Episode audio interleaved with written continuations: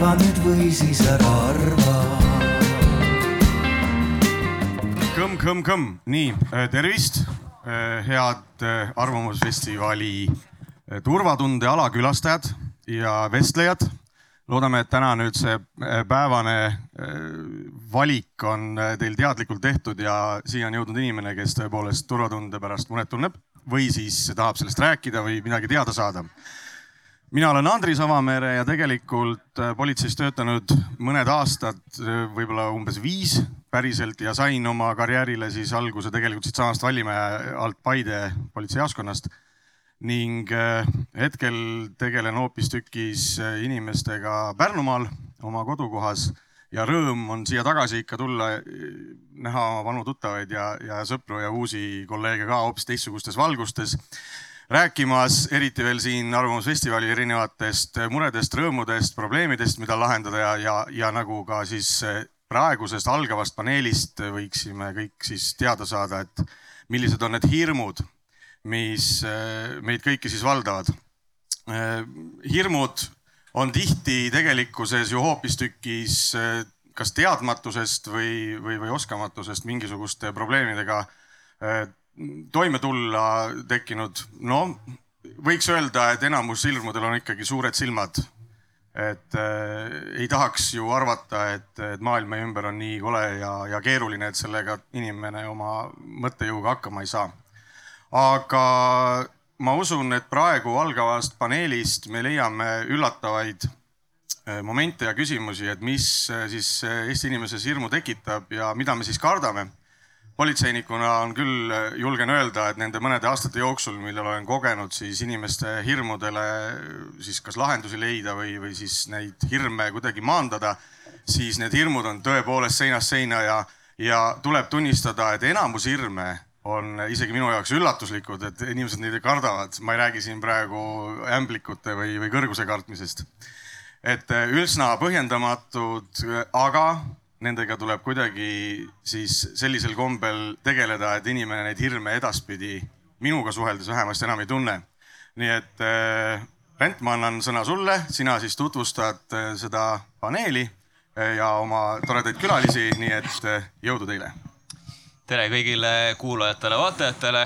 meid on siia jah kogunenud äh, terve posu väga tarku ja toredaid inimesi, kellega me nendest hirmudest hakkame rääkima. kõigepealt alustan siit siis äh, teie poolt vaadatuna paremalt. Äh, tarbijakaitse ja Tehnilise Järelevalve Ametist Ingrid Teinemaa. tere. põhjaprefekt Joosep Kaasik. tervist. psühholoog Kätlin Konstaabel. tere. ja järvamaalane, pikaaegne Päästeameti ennetaja Piret Seire. tervitus kõigepealt äh, lükkame sulle otsa lahti üldse selle küsimuse mõtestamisega, et miks me oleme siia kogunenud sellise teema üle arutama. Äh, Joosep, ma kujutan ette, et see mõte on teilt siis läbi ikkagi käinud, et inimesed justkui äh, mõtlevad valedele hirmudele, kui üldse niimoodi saab väita see võib-olla pole päris korrektne, et mõeldakse valedele hirmudele meie vaates on äh, ju oluline see, et, et me tegeleksime inimese turvatundega ja, ja mida me tihti oma töös näeme, siis eh, turvatunne ja objektiivne turvalisus ei pruugi omavahel kokku minna. ehk et äh, ja, ja inimeste selline hirm põhineb mingisugustel kogemustel, kas minevikust äh, ja loomulikult, kui nüüd üldse hirmust rääkida, siis see ongi väga personaalne ja subjektiivne küsimus, et mida me keegi kardame ja, ja, ja noh, ma arvan, et Kätlin saab siin pärast äh, akadeemiliselt veidi täpsustada, aga tundub, et hirmul on täitsa oma koht inimeste elus ja arengus, et äh, vastasel korral me ellu ju ei jääks, kui me midagi ei kardaks. et aga jah, meie jaoks on, me püüame oma nagu tegevusi suunata selles suunas, et me just tegeleme selle turvatundega, sest et see on hästi oluline. samas me peame tegelema ka selle objektiivse poolega ja, ja seda me võime küll öelda, et, et äh, üsna lihtne on seda turvatunnet kõigutada, selleks ei ole üldse palju vaja. aga seda on jube raske taastada, et, et see on see, mida, mida me tunnetame. Kätlin, äh, seletame siis selle hirmu äh, mõiste lahti, kõlab väga lihtsalt, aga mida see tegelikult tähendab? no lihtsalt seda lahti seletada oleks nüüd tore küll, aga see on nii, nii oluline, nii mitte ainult inimestel, vaid ka ju loomadel emotsioon, et seal on väga palju eri aspekte. et kui proovida nüüd mõelda, et mis asi on hirm, siis see on tugev igas mõttes emotsionaalne seisund või tundeseisund, see on ka meie kehas, me kõik teame, kui me oleme ärevil juba, mis on sihuke hirmu eelfoon, eks ju. aga kui me oleme hirmul, siis noh, kõik palun meenutage oma tugevalt seda hirmuhetke, et kellel läheb, äh, ma ei tea, peopesad hakkavad higistama, kellel hakkab süda tegema asju ja mõtled lähevad kiirabi peale. ja nii, et, et kellel hakkavad jalad kiiresti liikuma. Ehk et äh, see on meile evolutsiooniliselt sisse kodeeritud, väga vajalik, muidu ei jääks meie ellu, ei jääks teised primaadid ellu, ükski sitikas ei jääks ka ellu. ja see tekib siis, kui me kogeme mingit stiimulit esiteks endale ohtlikuna. ja siin tuleb nüüd moment sisse, see subjektiivsus, millest siin juba juttu oli, see on tohutult personaalne asi. ohtlikuna, teiseks ta on, vahel me kogeme hirmu kui mingi väga uudne, väga imelik, siis see loomakene meis parem karta kui kahetseda, mingi asi on uus kui ma olen liiga uudishimulik, siis see uus asi võib teha mulle midagi halba. ja ka intensiivsus on oluline ehk et mingi asi peab olema väga intensiivne. nüüd see subjektiivne moment tuleb ju sisse siin, et noh, mõned meist kardavad jätkuvalt madusid, eks ole. mõned meist kardavad jätkuvalt pimedal tänaval kõndida, siin on ka sooline aspekt mängus, eks ju ehk et osa asju on natuke kaasasündinud, kui meie suunas liigub suur objekt väga kiiresti ja me ei ole valmis, et noh, see on mingi, mis asjad on suured, mingisugused pallid kummist, mitte kummist, vaid plastmassist mingitel rannaaladel vahel on. siis me võime olla päris ehmunud ja see on mõistlik tegelikult. isegi siis, kui kusagilt me hakkame järgmine hetk mõtlema, et see ilmselt ei tapa meid ära. aga osa asju me õpime oma elukogemuse käigus noh, kuidas on esinemishirmuga, kuidas on hirmuga siis mingisuguste tavaliste suhtlemishetkede ees ja nii edasi. ja üks huvitav teema, mis on igapäevase suhtlemise või igapäevaeluga seotud, on ka noh, hirm lähisuhtevägivalla ees, kas see võiks olla suurem? ma kuidagi mäletan seda viimast, mis on ohu ja turvatunde uuring. seal on see päris pisike, pani mind mõtlema, et kas see võiks olla suurem. aga ma annaks nüüd palli või mikrofoni edasi? jätkame jah, enne kui me siin saame kuulata ka ühte väikest äh, Vox Populit, mida me tegelikult siin üks politseitöötaja Kristjan Lukk äsja tegi, äh, küsisid me just inimestelt, et mida te päriselt kardate. Ingrid, kuidas teile Tarbijakaitse Tehnilise Järelevalve Ametis äh, see pöördumiste hulk on, kas inimesed ennetavad juba, kas nad mõtlevad selle peale, et see võib olla kahtlane? Ehk siis nad ikkagi natukene kardavad ja tahaksid justkui mingist asjast paremini sotti saada. Pigem kipub olema nii, et pöördutakse siis, kui probleem on juba käes. Ja ennetavalt on, on pigem vähem, võiks olla palju rohkem. Ja mida me oma töös näeme, on see, et äh, inimesed võivad küll kodudes ka ämblikke karta, aga tegelikult võiks kodus ikkagi väga palju hoolsam olla. seal on palju selliseid äh, ohtlikke seadmeid või ohtlikke paigaldisi või tooteid või tegevusi, mida tuleks kas kontrollida või siis aeg-ajalt üle vaadata, hooldada. et selles osas on inimesed ikkagi kipuvad pigem olema hooletud ja, ja ootavad, et keegi teine tuleks nende koju neid asju üle vaatama või korda tegema millegipärast äh, autode puhul me ei eelda seda, et keegi tuleb ülevaatust tegema või ho autot hooldusesse viima. küll aga kui kodus on mingid seadmed ja nendega juhtuvad õnnetused, siis vaadatakse ja otsitakse, kus on see ametnik või kus on keegi teine, kes on selles süüdi. ma, ma kiirelt siin kohe sekundeerin ka, et, et tegelikult äh, vaadake, kui palju me räägime täna liiklusturvalisusest igal pool äh, ja, ja, ja kui me nüüd võtame objektiivsed näitajad aluseks, siis tõesti me kõik oleme kuidagimoodi liikluses puutumisega kokku ja paraku äh, liikluses hukkub iga aasta viiskümmend viis, no ütleme viimasel aastal oli viiskümmend viis inimest, kuskile sinna viiekümne kanti see number jääb. kui me vaatame, kui palju inimesi surma saab igasugustes õnnetusjuhtumites, siis see number on kuussada kaheksakümmend. me ei räägi nendest kuuesaja kaheksakümnest praktiliselt üldse. et, et, et see, see on ka võib-olla see paradoks, et, et millest me räägime, seda me kardame ja, ja siit ka võib-olla see ennetuse küsimus selgelt mängu tuleb. ma arvan, et enamik meist ei mõtle redeli peale ronides, et ma võin siin surma saada või, või mingit kodumasinat kasutades või, või mis iganes muus, muus olukorras, mis meil on tavapärane elus. küll aga me mõtleme autorooli istudes, et no alati on natuke nagu see tunne, et võib midagi juhtuda, on ju, et, et me kuidagi oskame seda nagu endas ette kujutada, et, et see on selles mõttes hea näide minu arvates ka, et inimesed tegelikult kardavad seda, millest räägitakse ja mitte seda võib-olla, millest liiga palju juttu ei tehta ehk siis see on ikkagi puhtalt selle kogemuse pealt, et äh, inimesed on näinud meediast äh, liiklusõnnetusi. Nad ei ole näinud seda, kuidas, äh, no ma ei taha nüüd väga brutaalseks minna, aga keegi mootorsaega midagi valesti teeb, et seda lihtsalt ei kardeta. nii, nii on jah, et, et tegelikult see hea, hea, hea point ja noh, tegelikult me ju puutume kokku ka tööõnnetustega üsna tihti ja näeme seda siin koostöös ka neid asju vaatame. et et tegelikult äh, ja see on olnud päris pikka aega probleemiks, äh, püütud sellele ka kuidagi läheneda süsteemselt riigi tasandil, aga ma pean tunnistama, et minu arvates me ei ole siin nagu edasi liikunud äh, liiga palju tänaseks, et me ikkagi räägime väga kitsast hulgast, milles osas me oskame midagi ette võtta, et, et noh, selge, selge on see, et et üsna lihtne on liikluse mõttes nagu eriti, kui me vaatame ka poliitikute silmade läbi, on lihtne öelda, et eh, mis on parim ravim, parim ravim on see, et eh, probleemi ravim siis, et paneme politseiniku tänavale. äkki nad sõidavad aeglasemalt, äkki on turvalisem, äkki midagi ei juhtu. aga ilmselt on väga keeruline panna iga redeli otsa ronivale inimesele, mootorsõidukiga töötavale inimesele keegi kõrvale, kes siis valvaks, et ta midagi valesti ei teeks, et, et seda noh, ei saa teha. ja, ja noh, see ongi see objektiivne pilt, et seal tegelikult saab meil inimesi oluliselt rohkem surma, et Piret, kuna teie olete pikalt elanud siin äh, Järvamaal, elanud ka Pärnus. Äh, no tihtipeale just äh, ametkonnad, poliitikud, väga paljud sellised tegelased elavad just Tallinnas, Tartus, suurtes linnades. kuidas sulle tundub, kas suurtes linnades on samad hirmud inimestel, mis on väiksemates kohtades, näiteks siin Paides või jumal teab, mingisuguses väikeses külakeses? ei, ma arvan, et need on äh mingisugused hirmud, kui me mõtleme kodude peale, siis ilmselt äh, paljud kardavad hiire kodus või ämblikuid kodus, et need võivad olla sarnased. aga kui ma ja tõsi, ma olen äh, väga pikalt elanud äh, ka Pärnus ja, ja kui ma mõtlen pärnakate peale ja mõtlen järvakate peale, siis näiteks ilmastikust tulenevalt meie hirmud on erinevad kui meil tuleb hoiatus, et merevee tase võib tõusta, siis järvakatel on suhteliselt ükskõik sellest aga pärnakas teab, mida see tähendab, ta teab täpselt, kui mitu sentimeetrit, kui mitu meetrit, millal asi läheb kriitiliseks, seepärast et nendel on kogemus, nendel on kogemus kahe tuhande viiendast aastast, kus väga paljud purjetasid sisuliselt kodust ära.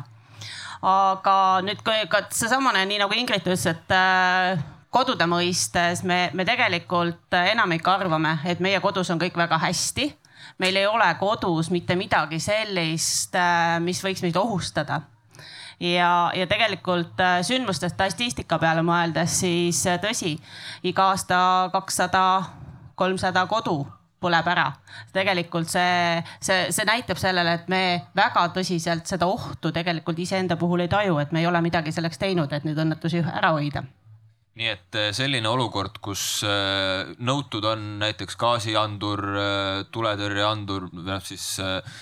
vinguandur, mis iganes, siis seda tegelikult ei mõelda, et äh, seda võiks päriselt panna endale lakke, enne kui juhtub mingisugune jama või on juhtunud kellegi teisega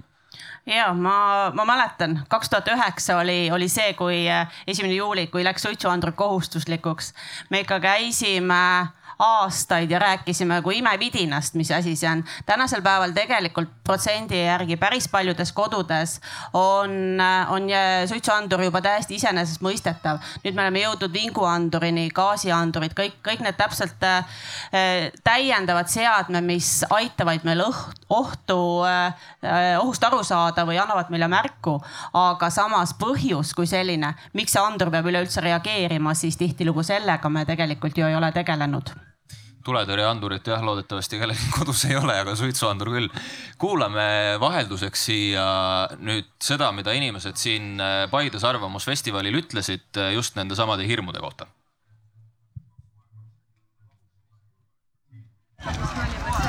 mina olen äh, Kerstin Tallinnast ja kõige rohkem kardan lõhestumist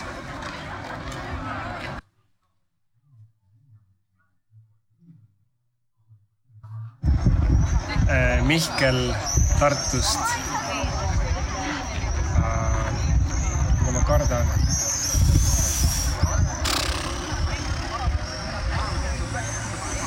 kurat, see on nii keeruline küsimus. ei, ei, kindlasti mitte, aga mida ma kardan mm,? lennata mõnikord kardan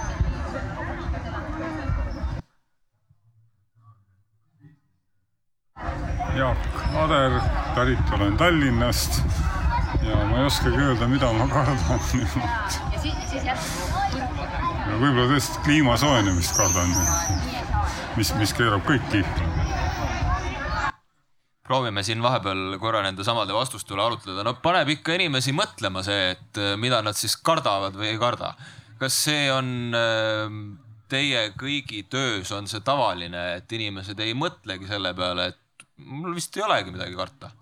ma saan rääkida tegelikult, siseministeerium viib üle kahe aasta läbi uuringut siis ka turvatunde küsimustega ja ja, ja ütleme umbes veerand äh, küsitletutest siis leiab, et isiklikus plaanis kõige rohkem nad pelgavad siis noh, kui me räägime turvatundest, siis noh, inimesed vaatavad tavaliselt siis äh, just konkreetselt äh, sellise õiguse olukorra poole ja, ja sealt on umbes veerand siis, kes ütlevad, nad kardavad isiklikult rangeda varguse ohvriks ja teine veerand, kes arvab, et kõige suurem mure on liiklusõnnetusse sattuda. ja, ja tegelikult see on see, mis inimene isiklikult nagu tunnetab Äh, seevastu sellist globaalset ohtu või, või ohtu siis nagu äh, riigis tervikuna tajutakse mõnevõrra teistsuse, teistsugusena ja ja, ja viimases uuringus äh, ja noh, tegelikult see on päris hea mõttekoht ilmselt ka psühholoogilises vaates, et inimesed ju tegelikult oma hirmud tuletavad nagu hetke emotsioonide pealt ja, ja kui me võrdleme kahe aasta uuringut kaks tuhat kakskümmend. no mis te arvate, mida inimesed kartsid kõige rohkem?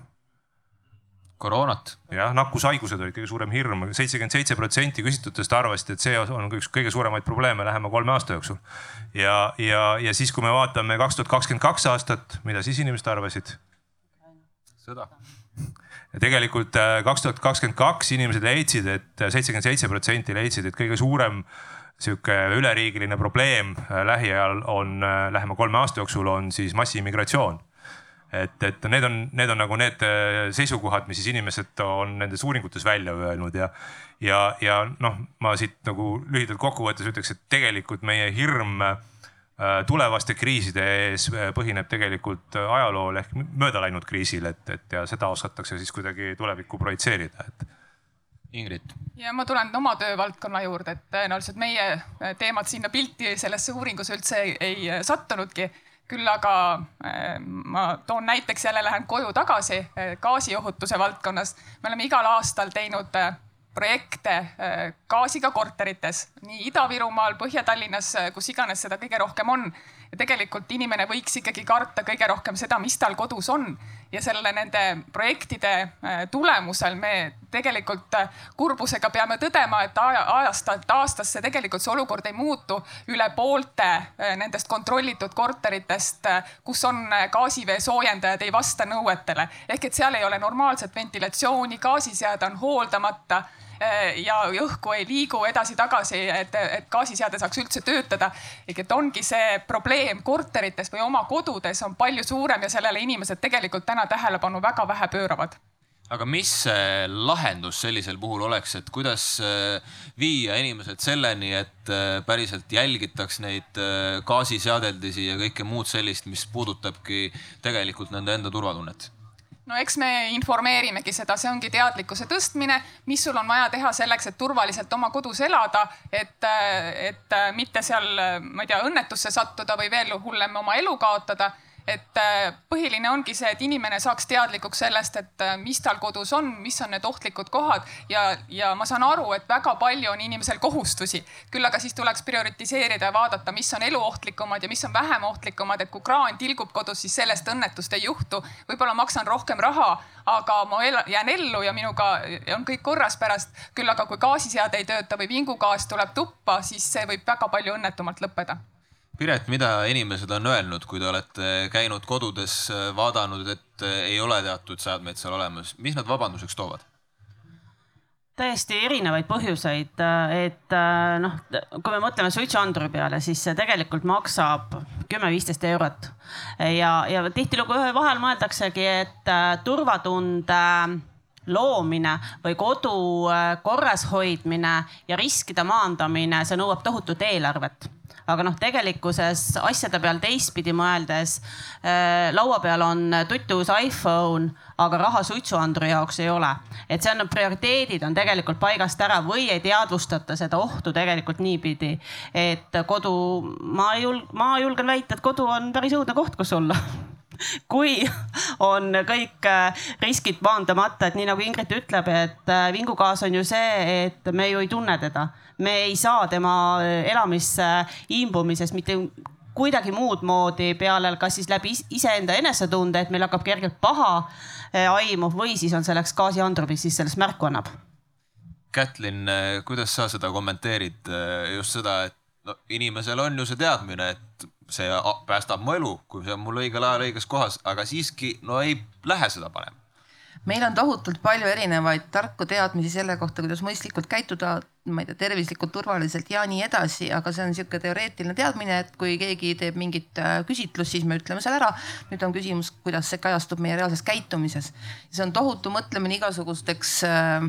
ma ei tea, kampaaniateks, mida iganes, kuidas üksikjuhtumeid siin ja praegu, et vot see inimene nagu sina, temal on juhtunud selline asi. see ei tähenda seda, et ta on lollakas, ta on imelik, ta on äh, mida iganes, ta on täpselt nagu sina ja vot temal näe juhuslikult juhtus ehk et need üldised numbrid, ma kahtlustan, läheb, lähevad tohutult mööda, noh, ma mainisin siin lähisuhtevägivalda ka, et, et okei okay,, et kusagile meediasse jõuavad need lood tihti, kus äh, keegi on saanud mingi tohutu sinika või luumurru.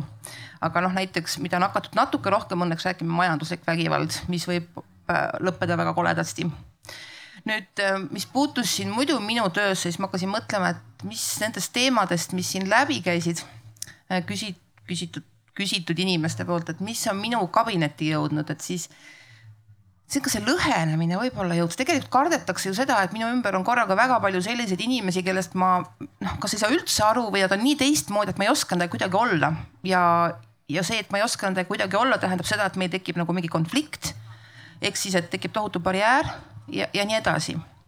et äh, selliseid hirme on minu kabinetti jõudnud küll, on jõudnud ka selliseid hirme,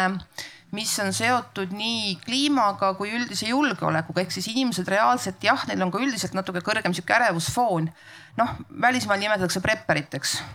kes tõesti väga hoolikalt koguvad küll varusid, küll noh, vaatavad oma elamise igatepidi üle. ja siis vahel on muidugi see huvitav moment, et ähm, Neil on väga hoolikalt kogutud varud, noh kõik äh, ametnikud, kes tegelevad siin soovitustega, et koguge varusid ja vaadake iga nüüd üle, nad vaimustuksid. aga see, et neil just nimelt mingid väiksed majapidamisriistad on äh, vahel ja siis on, on olnud ka juhtum, kus tõesti andur on siis puudu olnud, kuigi inimene nagu väga hoolikalt mõtleb, et kuidas julgeolekuolukord maailmas on kole ja ehk et need on siuksed huvitavad momendid, kus selline ratsionaalne kooskõlaline käitumine sugugi alati märgatav ei ole ja, ja muidugi, mis lood, noh ikkagi see lähisuhtevägivalla teema jõuab ka ja minu ruumi ja jõuavad ka nüüd arvuti või internetiga seotud. ja nüüd on küsimus, kuidas neid lugusid defineerida. et need ähm, inimesed on jällegi kuulnud siukestest äh, silmatorkavatest arvutipettustest, tohutust häkkimistest, rünnatakse, ma ei tea, mis veebilehti nende teenustõkestusrünnakutega.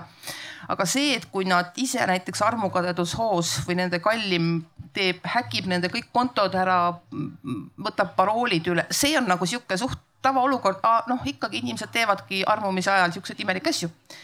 ehk et mulle tundub, et nii-öelda mina siin ja praegu on üks asi ja üldine mingi tunnetus või teadmine, et jaa, need on ohtlikud asjad, on midagi väga teistsugust. ja vot siin on see küsimus, et kuidas neid asju inimestele pähe viia, et halloo, need puudutavad sind ka ühel või teisel moel kogu nende õnnetuste korral hästi kandev mõte on, et need juhtuvad kuskil mujal kaugel kellegi teisega, see mind ei puuduta, et minu kodu ometi ei saa ära põleda, seda ei ole võimalik või, või minu lapsega või minu lähedasega ei saa midagi juhtuda, et need juhtuvad kuskil kaugel kellegi teisega, nii nagu sa ütlesid, et ta on midagi imelik, tal on midagi tegemata, ta ise võib-olla natukene teistmoodi või, või, või muu selline kandev mõte. aga see, et tegelikult äh, need kõik kriteeriumid, mina vastan täpselt nende samadele kriteeriumitele ja täpselt see õnnetus võib minul ka täpselt juhtuda nüüd ja praegu seda me niipidi me ei mõtle ometi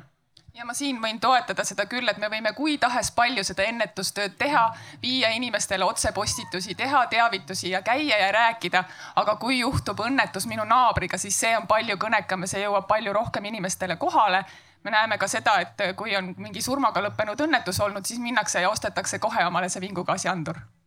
mis see siiski, mis see lahendus siis sellisel juhul on, sest et no me ju ei saa eeldada ja loota selle peale, et inimesed õpivad ainult äh, enda lähedaste kurbadest sündmustest, et see oleks ju väga-väga halb. kuidas seda lahendada? Ma paneksin rõhu järjepidevuse peale ja tegelikult äh, me peame ka andma aega, et tõesti meil äh, minna memmele, kes on eluaegset ahju niimoodi kütnud ja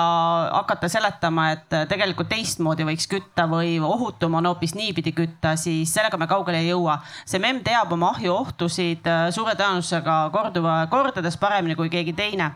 aga, aga just see, et me järjepidevalt õpetame ohuteadlikumat ja ohuteadlikku teadlikumalt käituvat põlvkonda peale. et ma arvan, et me enamik siin äh, istuvatest inimestest mäletame, kuidas äh, kunagi sõitsime kõik ilma turvavöödeta või ei olnud auto turvavarustusest mitte midagi kuuldud. täna on need hoopis, hoopis teistmoodi, et ei ole mõeldav, et sa istud autosse ja turvavööd kinni ei pane et lihtsalt äh, ma, ma, ma paneksin selle rõhuasetuse järjepidevuse peale ja süsteemsuse peale. Joosep. ma tegelikult äh, jube hea küsimus ja jube raske on vastata sellele selles mõttes, et, et tegelikult ju need ohud muutuvad ja siin natuke eelnevalt oli juttu ka juba, et, et ähm, noh, jällegi sama uuring, millest ma rääkisin, et äh, ligi seitsekümmend protsenti inimest arvavad, et lähima kolme aasta jooksul kasvab oluliselt äh, küberkuritegude oht. Ja sealsamas leiab viiskümmend üheksa protsenti inimestest, et nad on piisavalt pädevad selles maailmas et, et ja siis äh, ja noh, meie oleme nagu viimasel ajal, see on lihtsalt üks näide on ju, me oleme söögi alla, söögi peale rääkinud sellest, et ärge jumala eest äh, mingite telefonide kõnede peale midagi tehke oma arvutis. ja ikka selle aasta summa on ligi kolm miljonit, mida inimesed on vabatahtlikult käest ära andnud, kuskile arvele kandnud. et äh, või mis iganes muul viisil sellest ilma jäänud, et, et ja nad pärast, nad on tegelikult, neil on jube häbi ta ütleb, ma tegelikult sain aru, et see on jama, aga ma, ma ei tea, miks ma seda tegin, onju, et see on nagu, ma ei tea, mingit sorti hüpnoos või mida iganes see on, mida nad seal, sest et äh, need äh, tüübid on ka väga järjepidevad, kes neid veenavad seal. ma olen ise paari kõnet kuulnud ja noh, nad äh, räägivad, räägivad ja, ja ja, ja niimoodi need inimesed teoks lähevad, et, et jäävad uskuma seda juttu. aga see on mingi suurepärane investeerimisvõimalus, sõltub ka ajahetke, mis, mida, mida valitakse ja, ja kuna neid inimesi, kes selles protsessis hästi palju on, või ütleme, neid inimesi, kes sellega tegelevad, on palju noh, nendel pole vahet, kas nad teevad sada või tuhat kõnet päevas, on ju. küll nad ikka mõne sellise inimese leiavad, kellel võib-olla see kaitsemehhanism on veits õrnem, et, et ja, ja läbi nad sealt lähevad. ja teine asi on see, et, et ja noh, mulle meeldis ka see arutelu selle üle, et, et päris palju peresid ikkagi täna võib-olla seda küberohu teemat äh, ka sellisel viisil päris ei, ei teadvusta, et, et noh, et okei okay,, kui kõik on hästi, oleme sõbrad, siis, siis kõik jagavad kõikide salasõnasid ja ühel päeval ei ole enam sõbrad, siis on jama majas, on ju, et, et, et sinu konto alt saab teha mida iganes, et, et ja, ja nendest, nende tülidega tuleb ka meil tegeleda, nii et, et ma arvan, et see turvalisus tervikuna äh, ja see turvatunne on nagu üks lapitekk, et seal on hästi palju komponente, mis võib-olla meie vaates üsna tihti kõlama jääb ja, ja mida, mida, milleks me siin ka täna natuke arutleme, on see, et, et äh, seal ei ole lihtsaid lahendusi, seal ei ole kiireid lahendusi, nii nagu siin jutuks juba oli. seal on terve hulk osapooli, kellel on oma roll ja kui kõik need osapooled oma rolli täidavad, siis on lootust, et midagi läheb paremaks aga äh, kui vaatame täna siis kas kohalikku või üleriigilist poliitikat, õnneks on see viimase kümne-viieteist aasta jooksul üsna palju muutunud siiski, kui on mingisugune suuremat sorti probleem või oht inimeste turvalisusele, siis eh, eel, eelkõige tundub, oodatakse, et, et nüüd, kui see on kiireloomuline, siis politsei tuleb ja lahendab selle ära, et mina olen püüdnud alati seletada, et jah, politsei on kiirabi, et tuleb kohale, külmutab eh, selle olukorra või, või lase, ei lase seal hullemaks võib-olla minna aga see ei ole kindlasti nagu see asi, mis selle probleemi ära lahendab, et seal on terve hulk tegevusi, mida tuleb teha. ja tihti need tegevused on oluliselt pikema vinnaga kui võib-olla siis Äh, siis poliitikarütm, ütleme niimoodi, et, et seal ongi, täna me oleme küll mingit hästi suure hulga igasuguseid pikaajalisi arengukavasid kokku pannud. noh, nüüd jääb üle loota, et siis nendest ka järjepidevalt nagu äh, mõtteid võetakse, kõik järgnevad äh, siis valitsejad siis võtavad arvesse, mis sinna kirja pandud on, et. nii et äh, ma arvan, et võib-olla kõige õigem on tegeleda kõikide osapooltega äh,. Inimesed ise saavad eelkõige teha selleks midagi, et nad mingisse ohtu ei satuks kindlasti peab olema mingi nõustamise süsteem seal kõrval, et noh, kas on need siis ametnikud või muu tugivõrgustik, mis toetab seda asja. loomulikult on mingeid detaile, mida saab ka õigusruumis võib-olla kohendada ja paremaks teha see küll üldjuhul nagu mingit probleemi nagu paugu pealt ka ära ei lahenda, et, et, et seal on mitu erinevat komponenti ja kui kõik need asjad koos toimivad, siis on lootust, et midagi läheb paremaks ma võtan korra siit äh, sõnasabast kinni veel, et politsei tuleb ja lahendab. me ennist just arutasime selle üle, kuidas kiirabil on justkui selline maine, et sõbralik, tore, Päästeametil täpselt sama, aga kui politsei tuleb, siis on kohe selg sirgu ja natuke tuleb ikka kartus äh, sisse ka kas see siiski on siis ju nii, et kui politsei tuleb, siis politsei lahendabki või kuidas seda malli muuta? politseil on üks monopol riigis õnneks ja, ja, ja politseil on monopol kasutada sundi ühelgi teisel äh, institutsioonil ei ole võimalik füüsiliselt äh, inimesi sundida midagi tegema. ja noh, see on ka tihti, miks püütakse erinevaid probleeme läbi politsei lahendada, et, et äh, meie oleme omakorda sel seisukohal, et me väga ei tahaks mitte kuskil seda sundi kasutada, kui see ei ole vältimatult vajalik ja noh, nii on ka seadusesse kirjutatud, et see ei ole lihtsalt nii, et sa lähed ja hakkad kellegagi maadlema, et olukorda lahendada. et seal on terve rida erinevaid tegevusi, aga, aga nii on, et eh, kõikidel riikidel on olemas mingisugune organisatsioon, kes siis saab rakendada riiklikku sundi ja, ja see on politsei ülesanne täna Eesti Vabariigis. ja me peame seda tegema ja võib-olla see on ka see põhjus, miks kui inimesed kõikide muude valdkondade tegelastega kokku puutuvad, siis nad teavad, et seda, seda, seda võimalust ei ole. aga politseil on vaja olukord lõpuni lahendada ja siis, kui on selleks lahendamiseks vaja kasutada sundi, siis nii on ja võib-olla see on see põhjus, miks inimesed pelgavad, et me küll ise tahaksime olla pisut teistsugusemad, et mitte põhjustada hirmu. kui nooremat põlvkonda vaadata, siis, siis suure tõenäosusega on see kartus ka oluliselt väiksem. Kätlin, on see siis ikka nii, et hirmul on suured silmad ja sellepärast ongi sellised lahendused vahel vajalikud? mulle tundub, et see, mis siin kõlab praegu ja, ja ka, ja ka üleüldse, et võib-olla hirmul on vahel natuke liiga väiksed silmad, et, et kui inimesed ei oska nagu mõistlikult karta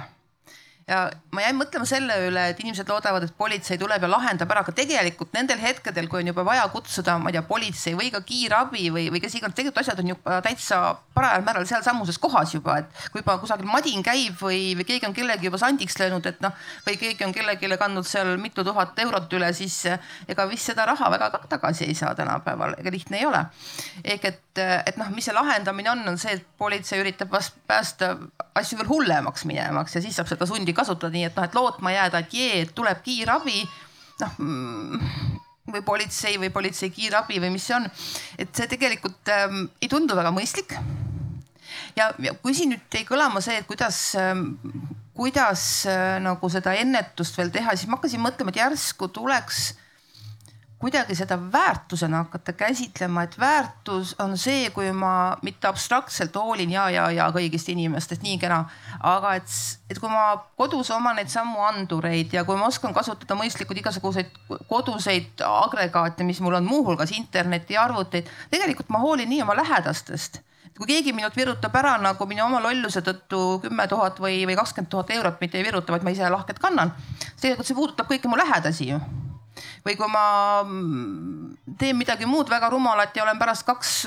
kaks nädalat kusagil haiglas ja minu töötasu ka kannatab, see puudutab ka minu lähedasi ja nii edasi ja nii edasi või see, et kas, kas me õpetame lastele, lastevanematele piisavalt, kuidas oma laste noh, kust neid eemal vaja hoida ja kuidas neile õpetussõnu lugeda või räägime lihtsalt nendega kenasti ja lubame kõike.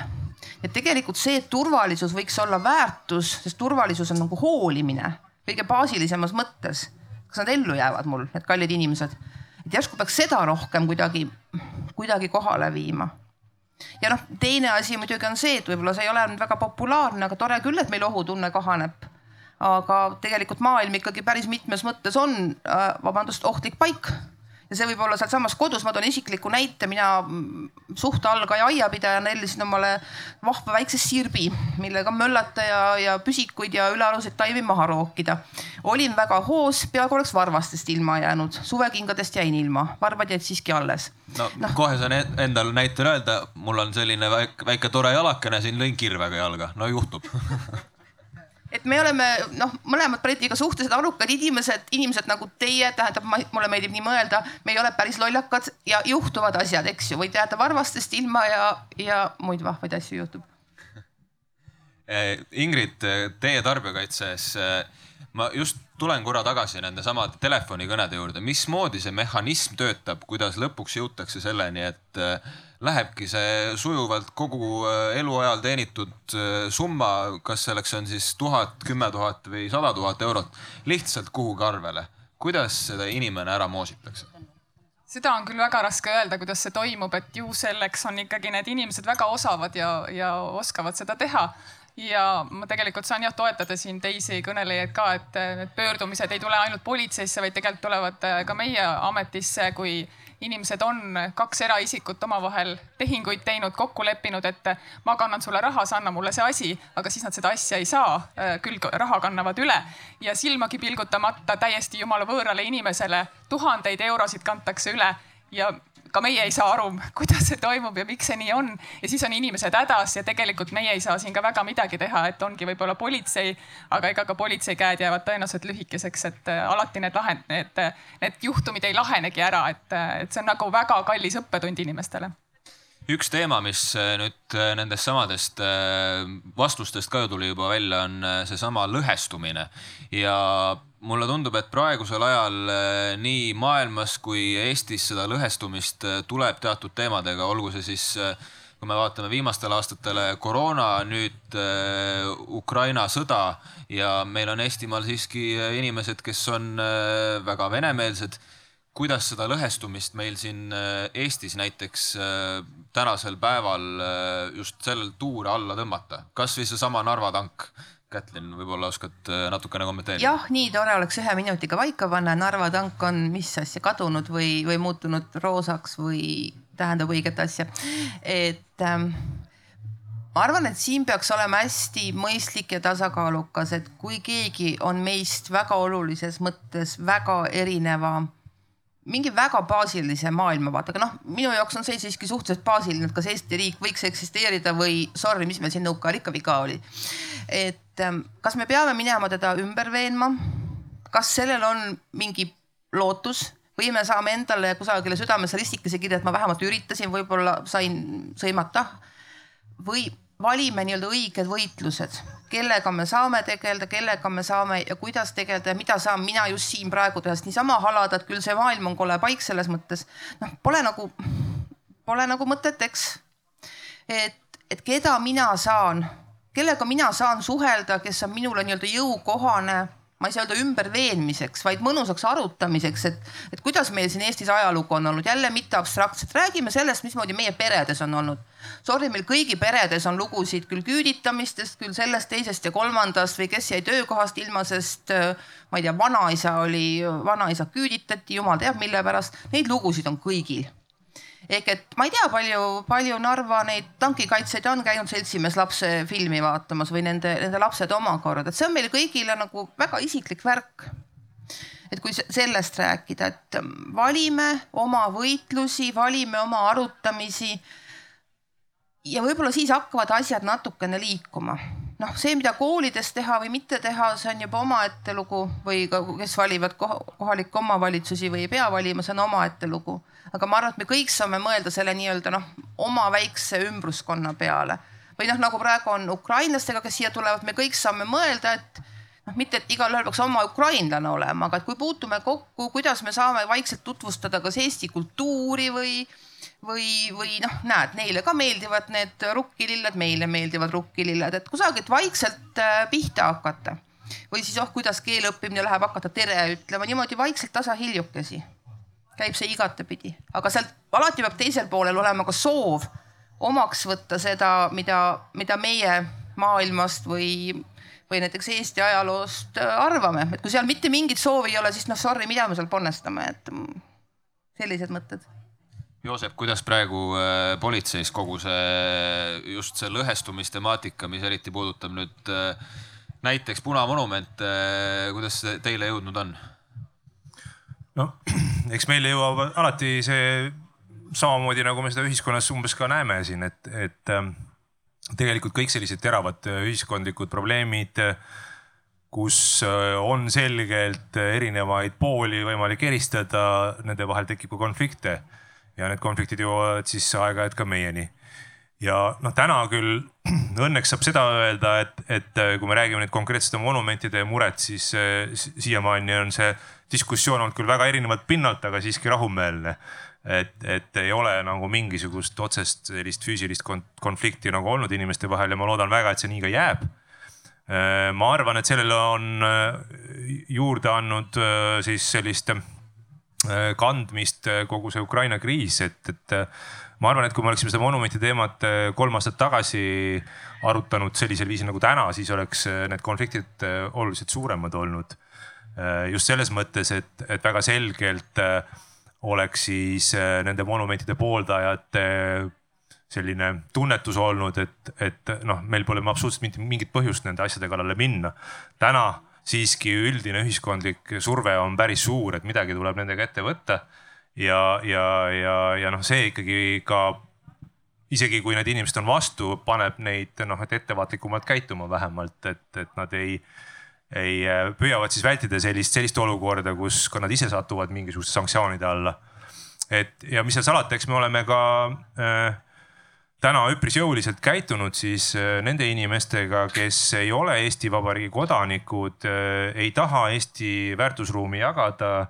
Äh, et ega siis ei ole neil ka ilmtingimata vaja siin Eestis elada, et, et, et ja see teadmine mulle tundub ka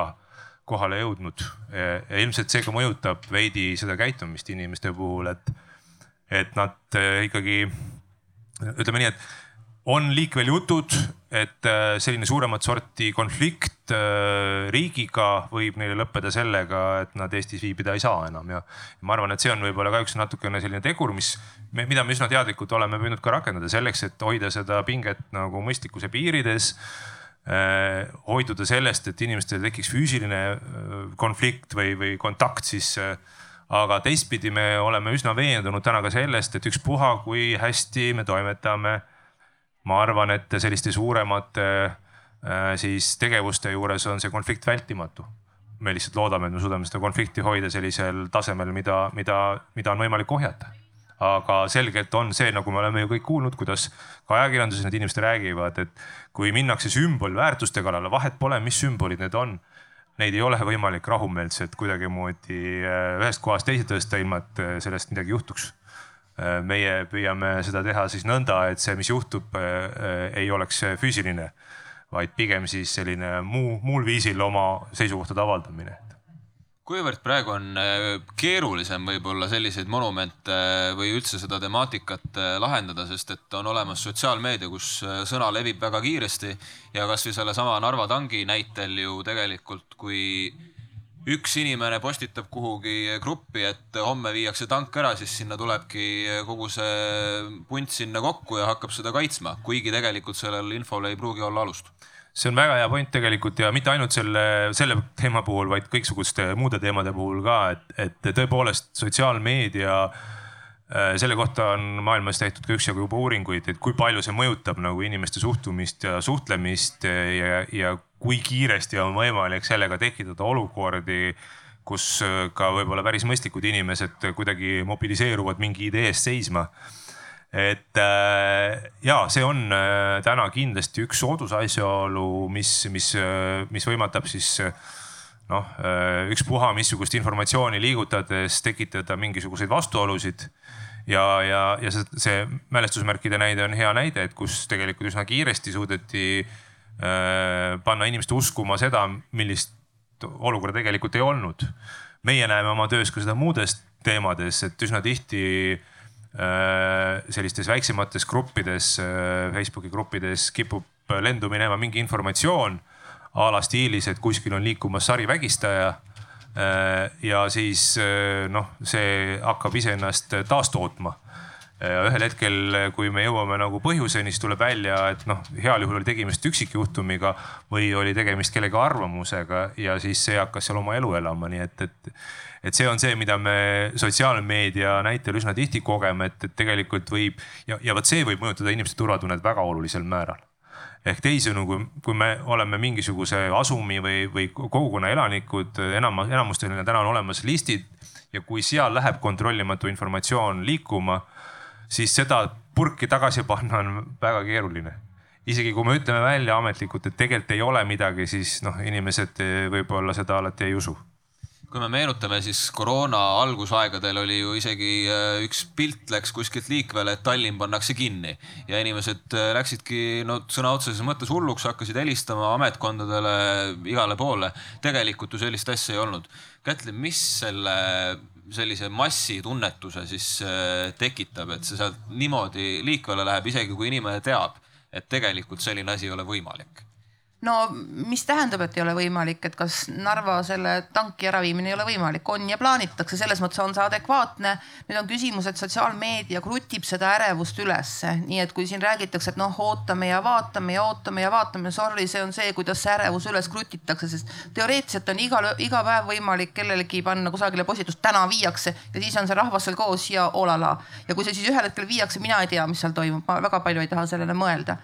nüüd, miks sotsiaalmeedia niimoodi toimib, see tegelikult toimib sellepärast, et inimene on sotsiaalne loom, meil ongi üldiselt mõistlik vaadata, mis ümberringi tehakse. Et kui minu karjakaaslased on millegipärast närvis, järsku on mul ka mõistlik närvis olla, valmistuda ohuks, noh, on see vägistaja, on see, mis asi siis, tanki eemaldamine. Noh, see on oht siis ilmselt jah.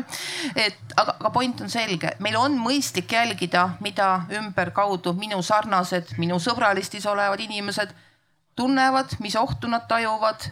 see on meie väga loomalik ja loomulik olemus. nüüd kusagilt peaks sisse lülitama see, et ähm, oot-oot-oot, mida ma siis nüüd peaks tegema selle infoga. ehk et kui keegi minu tuttavatest jagab mingisugust sellist infotükki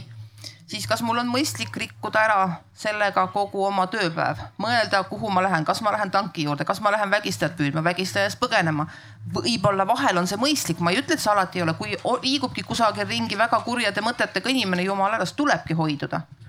aga siin peab kusagil noh tulema sisse see teadlikkus, mida me teoreetiliselt võiks olla õppinud või lapsed võiksid koolis õppida. et sotsiaalmeedia teeb meiega huvitavaid asju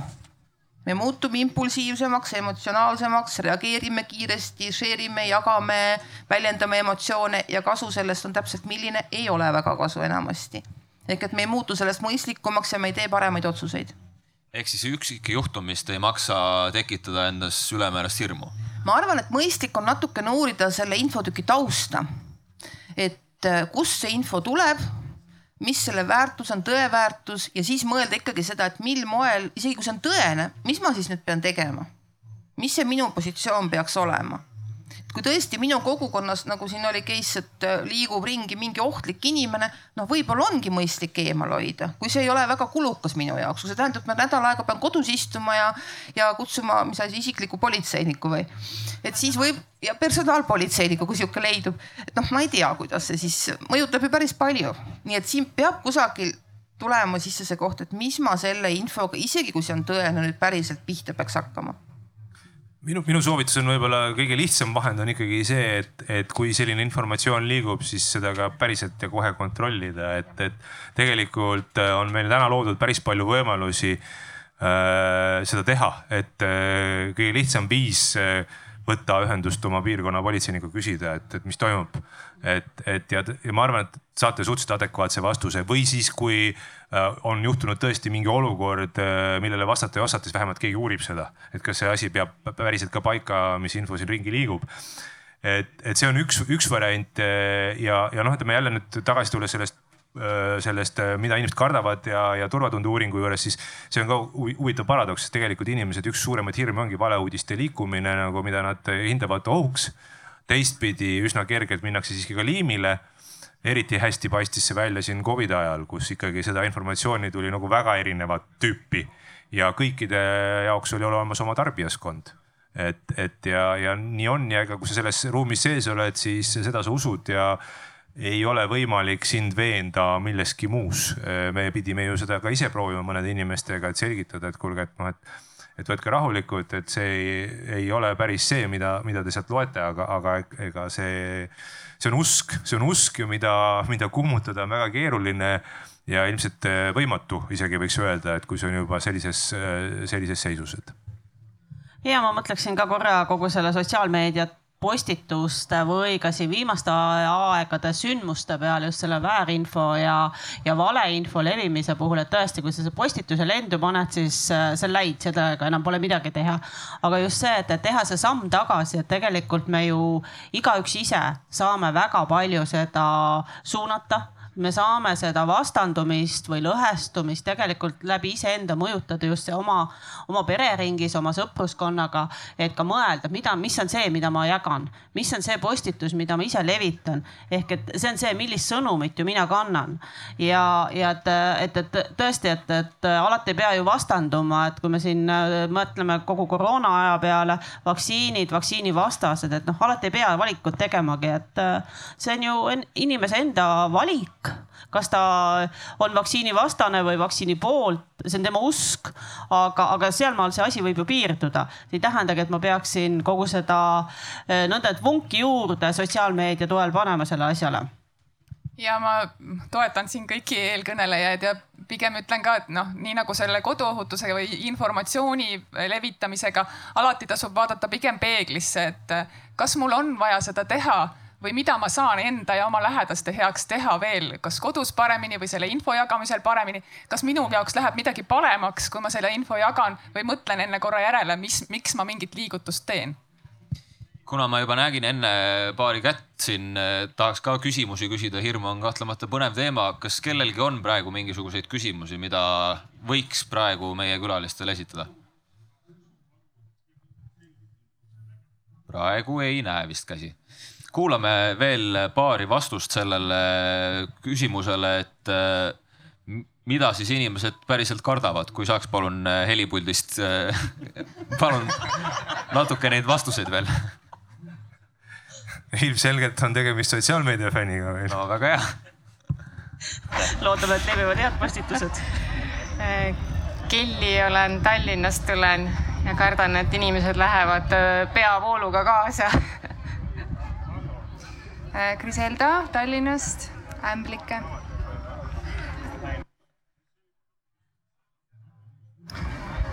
mina olen Marten Tallinnast ja ma kardan seda ebastabiilset olukorda maailmas, mis praegu on.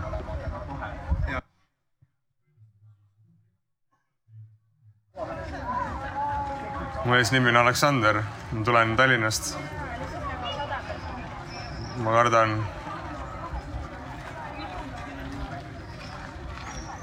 kaugust. Eeva Põltsamaalt. ma ei selge, sellised äh, kartused veel, ebastabiilsust. Kätlin, äh, kas see on asi, mis on võib-olla üks kõige levinumaid inimeste hirme, hirm tuleviku ees?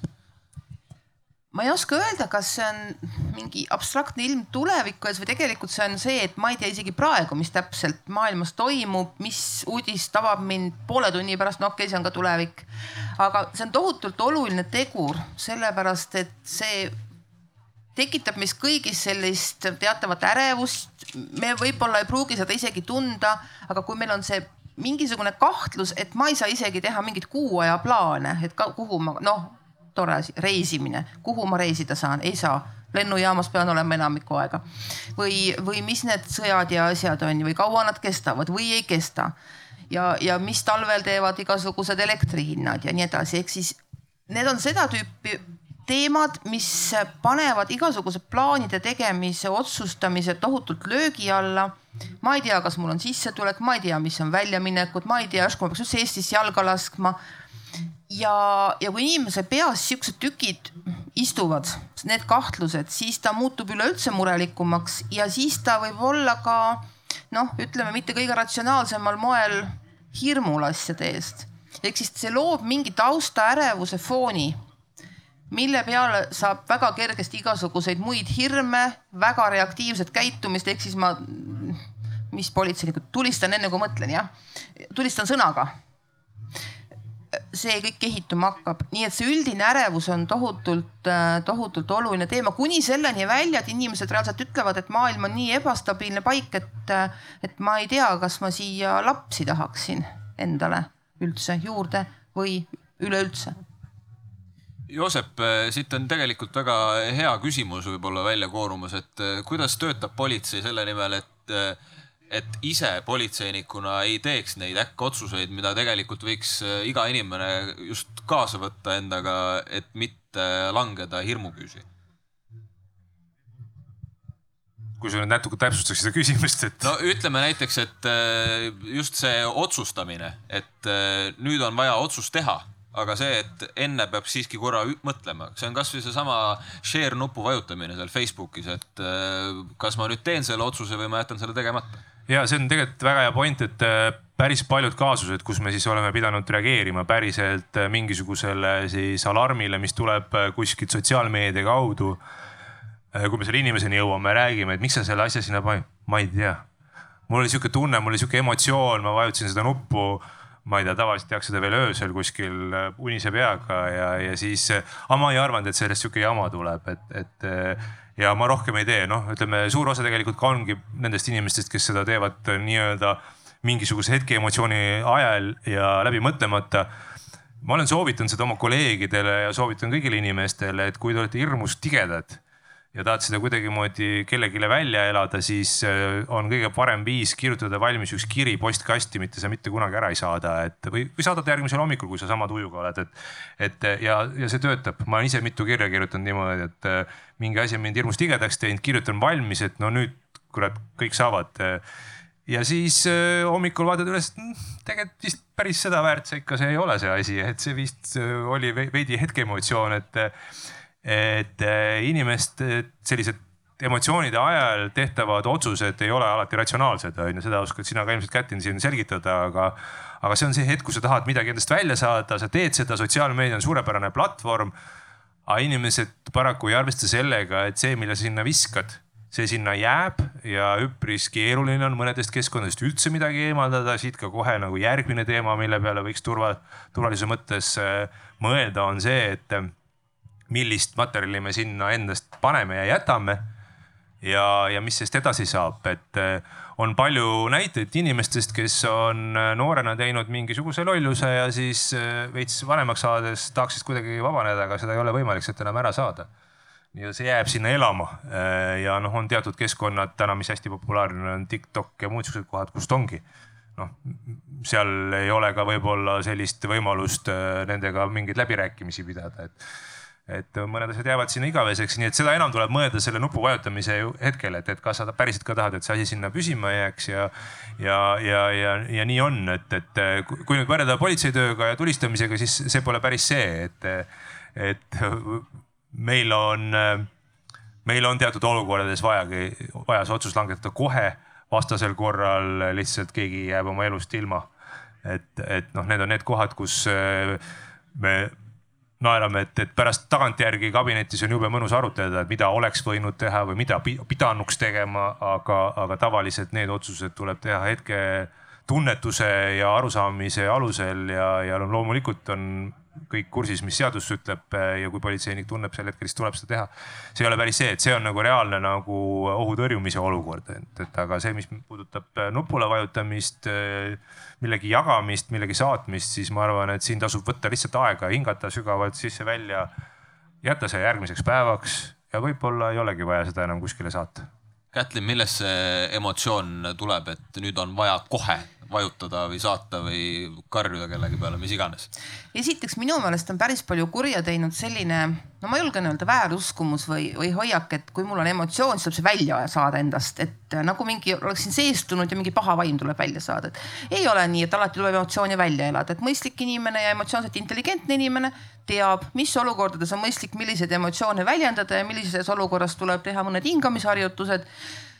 ja nii edasi. ehk et äh, mulle õudselt meeldis see kirja kirjutamise mõte, et juba üksipäini see, kui keegi kirjutab kirja või peab päevikut, siis ta struktureerib oma mõtteid, tundeid, juba ta muutub teadlikumaks, mis minu peakeses, südamekeses, kehakeses toimub nii et jah, et see kõigepealt võib-olla natukene paneksime oma peades küsimärgi alla selle, et kas kõik emotsioonid tuleb alati välja elada, sest vahel selle, selle hoiaku ajal hakkavad ka käed-jalad liikuma viisil, et on vaja kutsuda politsei. Nüüd see sotsiaalmeedias väljaelamine on paraku seotud sellega, et mm, mõtleme, mis olukordades me sotsiaalmeediat kasutame meil tegelikult tihtipeale on ju tunne, et ähm, istun oma kastike sees, on see arvutikastik, on see telefonike ja ma tegelikult ei adu seda, et see, mida ma sinna kirjutan või jagan, et see jõuab nii, nii, nii paljude inimesteni.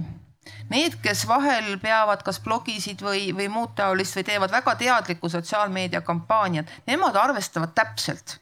kui paljudeni see võiks jõuda ja oleks tore, kui jõuaks paljudeni aga me nii-öelda tavatarbijatena või tava, kuidas iganes me nimetame, sotsiaalmeedia kasutajatena, me tegelikult ei adu seda, sotsiaalmeedia teeb meid alati impulsiivsemaks, me tunneme ennast anonüümsemana, nähtamatumana, sest me ei näe neid tuhandeid, miljoneid inimesi. Ja vot siis meil ongi see tunne, et ma elan selle asja korraks välja, kirjutan ära ja ma tunnen, et võib-olla ma olen hoopis üksi, võib-olla näeb seda võib-olla mõni mu sõber, aga vahel ei tajuta seda ka, nii et ma arvan, et siin on väga palju meil kõigil ära teha selle teadlikkuse tõstmisega, et ähm, just nimelt, et hingan natuke sisse, kui mul on mingi emotsioon või mõte, mida tahan kusagile jagada, siis mõtlen, kas ja kellele seda üldse peaks jagama ja mis sellest siis sündida võib. Ja ka just see teadmine, et see võib jõuda väga paljudeni, mis siin ka juba kõlas, see peaks meil kusagil olema väga-väga selgelt ja teadvustatult olemas, siis seda jama jääks vähemaks. Ingrid, väga põnev oleks küsida ka selle kohta, et milline näeb välja Tarbijakaitse ja Tehnilise Ameti postkast, millised kirjad sinna jõuavad, sest et ma kujutan ette, et kui üldse kuhugi kurja kirju saadetakse, siis tõenäoliselt teie juurde, kartuses millestki ilma jääda.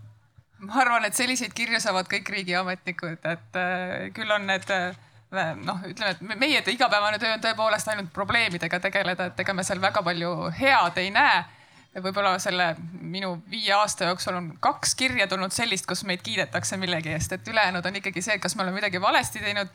kas ma olen, kaeban kellegi peale või siis äh, olen millestki ilma jäänud ja ootan, et keegi mind nüüd aitaks, et, et enamus äh, on jah, paraku sellised ja nad on ka üsna emotsionaalsed, et tihtipeale on näha, et kõik, mis torust tuleb, kõik läheb ja kohe send nupp ja minema. et isegi ametiasutusse saadetavad kirjad teinekord on sellised, kus on näha, et seda ei ole kordagi pärast seda kirjutamist läbi loetud, et, et see on väga hea soovitus, et kirjutan kirja valmis ja loen homme ka, et kas mul on sama emotsioon ja tahan seda kirja saata või ei, või jätan saatmata või muudan seal midagi. ja oma emotsiooni saab ka muul moel välja elada, et minna kasvõi puid lõhkuma või midagi füüsiliselt kasulikku tegema. ei soovi. selleks, selleks ei pea selliseid emotsionaalseid kirju saatma. kas publikul on vahepeal tekkinud äh, mõni küsimus? kuidas? kas on hirme tekkinud? keegi võib jagada oma hirme. hirveste ees näiteks niikaua kuni. Mul tekkis küll hirm kirve ees jah. niikaua kuni publik mõtleb, siis äh, üks teema, mida me võib-olla hirmu mõttes ei ole liiga palju siin puudutanud täna või üldse selle noh, ütleme kartmise mõju, mõjutamise mõttes, et, et tegelikult hästi palju mõjutab ka keskkond seda, mida kardetakse ja kuidas kardetakse, et, et äh, õnneks viimastel aastatel on ka sellele tähelepanu pöörama hakatud, et, et kui me mõtleme näiteks linnakeskkonnale ja selle erinevatele äh, nii-öelda aspektidele, siis eh, täna selgelt on see üks teema, mis aitab ka seda nagu turvatunnet suurendada, targalt, targalt asju planeerides ja ma ei tahaks praegu minna sihukestele libedale teedele nagu jalgrattateed ja muud asjad, aga, aga, aga, aga kui me räägime nagu üldisest sellisest äh, pildist, mis seal valitseb, siis see väga palju mõjutab inimesi ja, ja tegelikult see, kui me siin alustasime seda jutuajamist, et see, see hirm on üks subjektiivne tunne aga seda võivad väga olulisel määral mõjutada mitte ainult iseenda või, või kellegi tuttavaga juhtunud asjad, vaid ka ettekujutus selles keskkonnas juhtuda võivatest asjadest. Ehk teisisõnu üks vana, vana teooria, mis räägib siis nendest katkistest akendest, see on siin ka hästi kohane, et, et kui kui sa jalutad ringi mingisuguses nurgataguses pimedas kohas, ma ei tea, noh Eestis või kuskil mujal riigis, siis tahes-tahtmata tekib äh, tunne, et ja kui seal on, ma ei tea, palju katkiseid aknaid ja grafitit, siis, siis äh, ilmselt see tunne seal kõige turvalisem ei ole, eriti pimedal ajal jalutades. või siis, või siis on keskkond, kus on palju inimesi, kes käivad ringi Eh, veidi uduse pilguga ja, ja pakuvad narkoaineid müüa, on ju, et noh, need, need on nagu need asjad, mis mõjutavad kõik turvatunnet, et. et tegelikult äh, ma arvan, et see suund, mis on võetud äh, paljudes kohtades, sealhulgas ka meil Eestis tasapisi on juurdumas, et, et see keskkond peab ka olema selline, kus inimene tunneks ennast hästi ja turvaliselt, et. et see on äh, kindlasti üks oluline teema, mis aitab olukorda paremaks muuta, turvatunnet tõsta ja, ja, ja, ja, ja, ja lihtsalt seal on muidugi see teema jällegi, et olles siin pidanud sel teemal vestlusi äh, Tallinna linnaga siis äh, noh, ilmselgelt sellised suured asjad on väga pika perspektiiviga teemad, et ja, ja seal, seal alati tekibki see konflikt, et tahaks küll, aga noh, see võtab, ma ei tea, kümme aastat aega on ju, et, et enne kui sinna jõutakse et see on kindlasti ka üks oluline teema, mis, mis äh, inimeste hirme ja tundeid äh, mõjutab, et, et, äh, et võib-olla noh, me aeg-ajalt kipume seda unustama, et, et noh, tegelikult see keskkonna mõte kõlab hästi ka sotsiaalmeedia kontekstis, et, et kui, kui seal on selline keskkond, mis kuidagimoodi soodustab seda viha liikumist, siis, siis suure tõenäosusega inimesed asjalikud inimesed loobuvad seal üldse mingite seisukohtade avaldamisest, sellepärast nad teavad, mis sellele järgneb, on ju, et, et ja see on ka, ei ole eriti turvaline tunne, ütleme siis nii. Piret, sina oled äh, ennetajana käinud äh, päris, ma kujutan ette, eripalgelistes kohtades, kuidas see koha mõju siis on hirmule või ärevustundele? Muidugi, ma olen käinud kodukülastustel, kuhu ma muidu ei julge minna, kui mul politseid kaasas ei ole. et äh, ja loomulikult äh, ja, aga siia tuues äh, ma korra kõrvutan tõesti selle jalgratta ja, ja kogu, kogu selle teema, et mina ei julge Tallinna linnas jalgrattaga sõita et äh, ma imetlen inimesi, kes seal julgevad, et ma autojuhina alati mõtlen, et ähm, ma ei tea, mina ei, ei, ei läheks ise, ei laseks oma lastel ja ilmselt läheb kaua-kaua aega mööda, enne kui ma laseks äh, oma lapsel või, või tuttaval Tallinnas jalgrattaga sõita. aga, aga jah, see selleks, et äh, loomulikult kõik see valgustus, see avarus, need katkised aknad, mis, mis iganes, et äh, loomulikult see, see mõjutab, et äh, kas mul on turvaline tunne või ei ole kui linnaruumist rääkida, praegu on ju tõuksid kõige populaarsem teema üldse vist kõikides äh, liiklusvahendites üldse. tõuksidega juhtub parasjagu palju õnnetusi ka, aga ega ma ei usu küll, et ükski nendest sõitjatest nüüd päriselt kardaks seda, et minuga midagi juhtuks no see on jah üks hea näide jälle, et, et me räägime sellest palju, kõik saavad aru, et on probleem. aga kui mina vaatan meie noh, me siin politseis iga päev vaatame üle, mis meil ööpäeva jooksul toimub, siis äh, paraku äh, liiklusõnnetustest valdav osa mass, mida me seal kirja paneme või registreerime, on seotud siis äh, ühe mehe õnnetustega tõukeratastega ehk või siis muude kaherattaliste asjadega, kus siis inimesed kas lihtsalt kukuvad, sõidavad vastu äärekivi, nendega juhtub midagi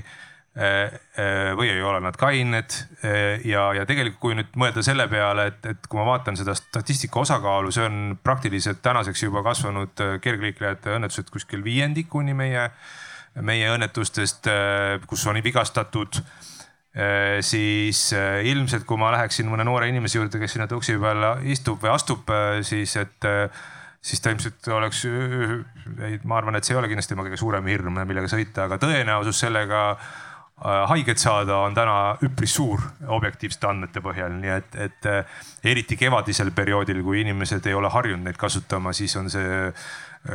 kohe niimoodi silmaga märgatav, esimesed ilusad ilmad toovad kaasa hunnikute viisi ja juba kui kiirabiga rääkides, nad ütlevad ka, nad ootavad hirmuga neid esimesi sooje päevasid sest siis hakkab vool pihta äh, haiglasse. ja noh, need äh, mõned õnnetused on paraku ikkagi väga rasked, et, et see, see kukkumine linnaruumis võib ikkagi täiesti laastavalt inimese tervisele mõjuda aga nende samade tõukerataste või jalgrataste või mis iganes selliste kergliikurite puhul on äh, siiski suhteliselt keeruline, mulle tundub inimestele seda hirmutunnet siis positiivses mõttes, et ennast natuke vaos hoida, seda anda, kui ei ole just pandud konkreetsed piirangud, et mu vahend ei liigu edasi kiiremini või äh, seda lihtsalt ei ole mingitel aegadel kätte saada? no ma arvan, et siin on nüüd see koht, kus äh, võib öelda, et äh, on erinevaid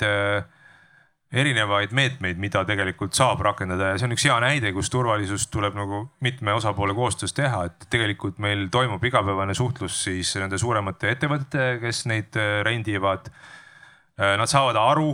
et kui nad ei leia mingit head nippi oma ärimudelis selle asja ohutumaks muutmiseks, siis lihtsalt see äh, äritegemine piiratakse olulisel määral. me teistpidi noh see on nüüd see koht ka, kus päriselt ka tuleb teha järelevalvet ehk teisisõnu näidata, et mingid äh, käitumised ja tegevused on lubamatud inimestele. Äh, kui ta tuli uue asjana, siis äh, ju oli see kõik väga uudne kõikide jaoks ja ei peetud mingisuguseid reegleid ei olnud, keegi ei arvestanud kellegagi. Tundus lihtsalt vägev olevat nendega ringi sõita, siis täna ikkagi noh, me päris palju inimesi oleme ka korrale kutsunud ja mitte ainult hoiatustega, vaid ka reaalsete karistustega, et, et nad, see informatsioon leviks, et päriselt ka, et purjus peaga sinna otsa ronimine on seaduse rikkumine ja selle eest karistatakse ja see on selline erinevate osapoolte koostöö ja, ja siin, siin noh, saabki öelda, et, et kui me tahame mingit tulemust saavutada, siis ainuke võimalus on seda koostöös. teine variant on keelata ja keelata täielikult ja vot äh, ma arvan, et Eesti oma avatud majandusega seda ka päris teha ei tahaks, et, et päris ära keelata. mul on omal hea kogemus, kaks aastat äh, järjest äh, Pariisis sedasama tõukeratast kasutades, siis kui üks aasta käisin, siis oli esimene aasta, siis oli seal noh, ka päris suur segadus, võis sõita igal pool, võis teha kõiki asju, keegi ei saanud täpselt aru, mis asjad need on, need tõukerattad.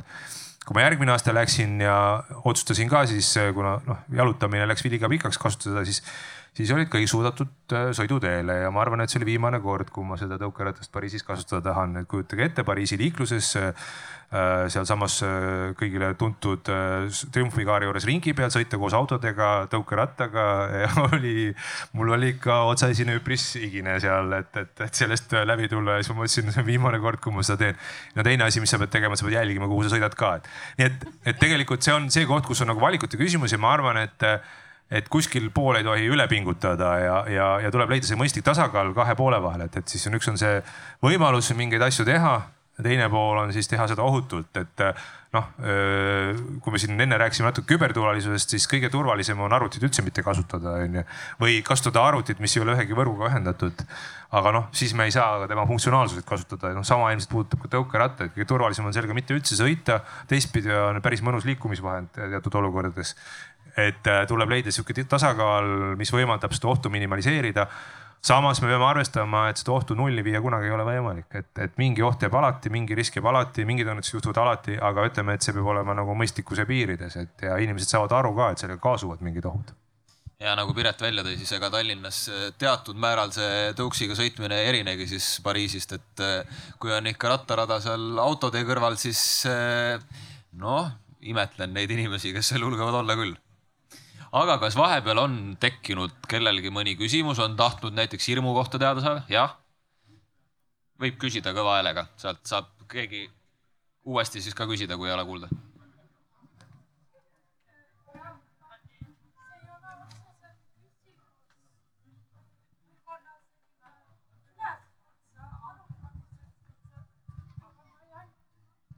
ma korra siis äh, kõvemalt äh, ka ütlen, et küsimus siis puudutas seda, et kuidas suhtlemine võib mõjutada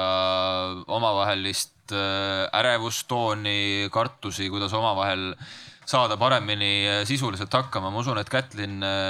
sa kuulsid seda küsimust, oskad sa sellele vastata? Ma arvan, et mis puudutab konflikte või inimestevahelist turvalisust selle vastandina, seal on see suhtlemisoskus ja oskus üleüldse rahulikuks ka jääda selle kõige juures on tohutult oluline et noh, lastele midagi ju koolis õpetatakse, aga see on asi, mis tegelikult on meie kõigi enda õppida.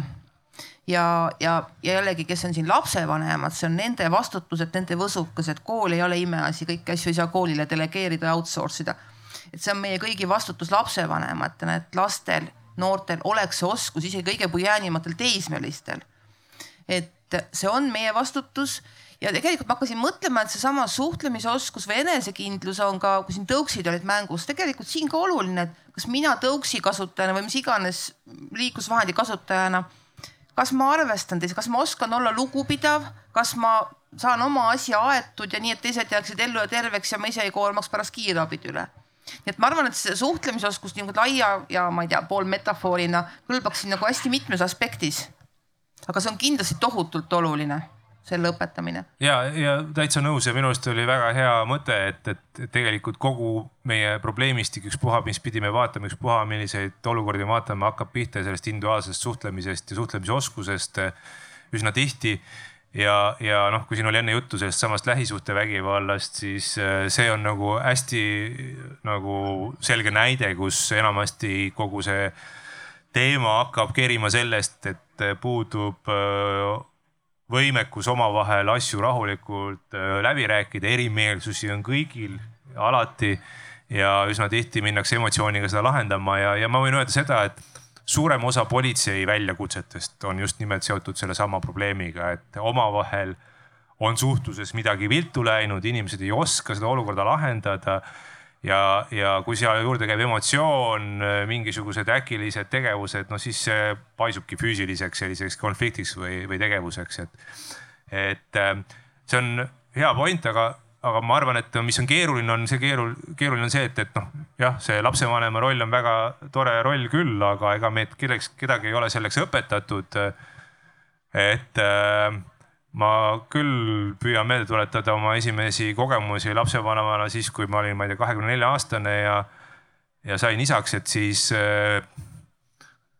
noh, ma enda arvates tahtsin olla hea isa, aga ma arvan, et ma ikkagi päris palju asju tegin sellisel viisil, mida ma tänase kogemuse juures teeksin hoopis teistmoodi, et, et, et ma ei, ma ei osanud neid olukordi lahendada, ma ei osanud käituda et ja, ja ma arvan, et see on nüüd see koht, kus ma küsin, et kus neid lapsevanemaid õpetatakse, et, et see on, see on sihuke koht, et ma ei tea ühtegi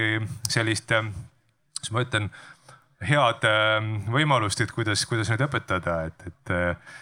et ilmselt ongi see võib-olla selline üldine siis, ähm, kuidas ma ütlen läbi elukogemuse ja kasvatuse siis peaks tekkima see oskus ka ise lapsi kasvatada, aga aga ma pean tunnistama, et, et mina ei, mina ei suutnud oma last täpselt samamoodi kasvatada, nagu mind kasvatati, nii et, et seal ikkagi tekib mingisugune, et sa võid ju õppida küll, aga noh, kui sa ise seda tegema hakkad, siis see ei pruugi täpselt samamoodi välja tulla enam, et. eks see on elukool, kus saab õppida, onju. täpselt aga. ei, mul läks mõte kaduma. ehk siis, kui saad, siis küsi no ja et võib-olla see on ja, hea mõte iseenesest, et no ilmselt siin äh, ka, aga noh, mis me täna ju näeme ühiskonna vaates ka, et, et noh äh, äh, ma arvan, et Kätlini töölaud on ka suhteliselt täis neid inimesi, kes tulevad nõu pidama või, või, või arutlema selle üle, et kuidas ühte või teist olukorda võiks lahendada või mida nad enda juures peaksid silmas pidama või muutma, et, et ega meil riigi vaates, noh, meie mure võib-olla, minul politseinikuna on mure selles osas küll päris suur, et, et isegi kui meil on probleem tuvastatud ja me näeme, et seda inimest võiks kuidagimoodi aidata, siis paraku see võimekus on täna siiski suhteliselt madal, et, et kõik, kes, kellel vaja, abi vaja on, kõik seda paraku ei saa või saavad seda siis, kui asi on juba selles seisus, kui see on väga kriitiline, et kas ma võin kommenteerida? Ähm, kui siin oli küsimus, kus küll lapsevanemaks õppides Gordoni perekooli võimalusi on, me võime sellest pikalt rääkida, tegelikult neid võimalusi on, aga ma tahaks võib-olla hoopis kusagile mingi baasilisema asjani siin minna, et kõik vanemad teevad nagu palju vigu, see on täiesti okei okay., võib teha ka, aga kui on mingi, mingi lähedus lapse ja vanema vahel olemas, siis korrigeeritakse ja, ja kõik asjad saavad joonde. aga küsimus on, kas meil on üldse nagu kodudes või Eestis või kus iganes siin Paides ka. Äh, kas meil on see nii-öelda viisakas, rahulik, väärikas suhtlemine, väärikas nagu mitte see, et me käime ringi ja on, ma ei tea noh, oleme nagu mingid raudrüüsrüütlid, et mitte kedagi lähedale ei lase ja, ja oleme väga külmad või ühesõnaga sellised. et kas meil on selline üldse nagu väärtusena selline suhtlemine, et suheldes teisega, ole rahulik, ole arvestav, ole noh, enesekindlust alati päris õppida ei saa, natuke saab. aga see, et oleme viisakad, oleme rahulikud, arvestame teisega, kas meil on see üldse väärtusena? või on ikkagi see, et plahvatame kõik välja, siis on jõle äge? noh, kui meil on see väärtus, siis politseil tööd jagub noh, eks see on väärtuste küsimus, kindlasti on ta seotud ju ka koduga, aga lapsevanemana või, või mis iganes kodanikuna eh, me saame olla, alati olla ju ise eeskujuks.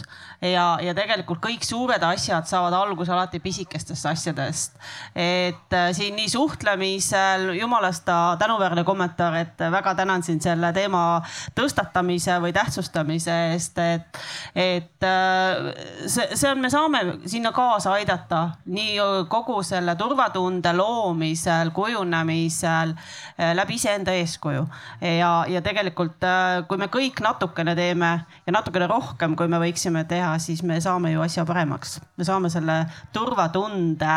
eh, tugevamaks ja suuremaks. ja ma mõtlen, et see suhtlemise oskus tegelikult on teema ju ka siis, kui me räägime ka hirmude kommunikeerimisel ehk et kui noh, ma tean, et midagi ümberkaudu toimub, mis võib olla teistele väärt jagamist. Ükskõik kus kohas, siis kas ma teen seda viisil, et issand, kui õudne, kohe juhtub midagi väga kohutavat ja, ja nii-öelda jagan emotsiooni ja paljundan seda emotsiooni. Või ma panen sinna juurde ka lisainfona, mida ma, mida tuleks nüüd teha, mida võiks teha, noh, on see siis äh, politseiga ühenduse võtmine, kus kohta saab pöörduda, siin oli juttu, et kohalik politseinik, tema ikka midagi teab või vähemalt on mõistlik talle infot anda. et kas me paneme juurde asjalikku infot, mida teha või me külvame segadust, külvame emotsiooni, külvame hirmu? Et see on ka see suhtlemisoskus ja see, et oot-oot-oot natuke teadlikumaks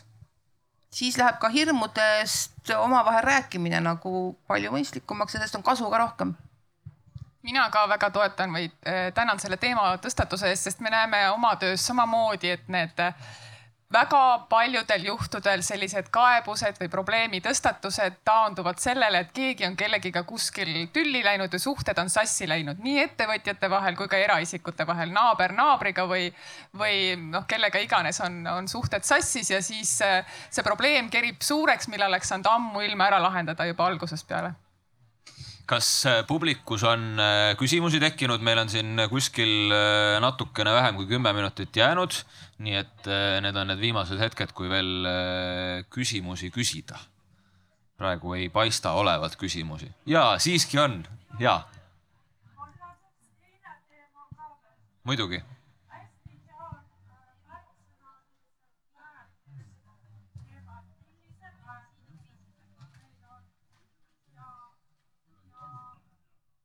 aitäh, Kätlin, ma arvan, et jälle esimesena on hea kohe sinult küsida, et kuivõrd me mõtleme selle peale, et äh, teist inimest väärtustada või tuleb see justkui sellise kõhutundena ja kellel tuleb, kellel ei tule?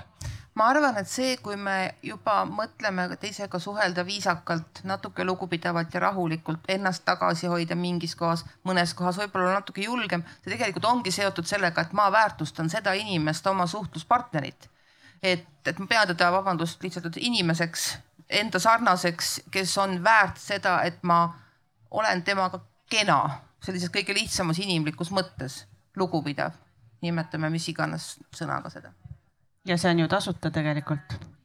see on tasuta.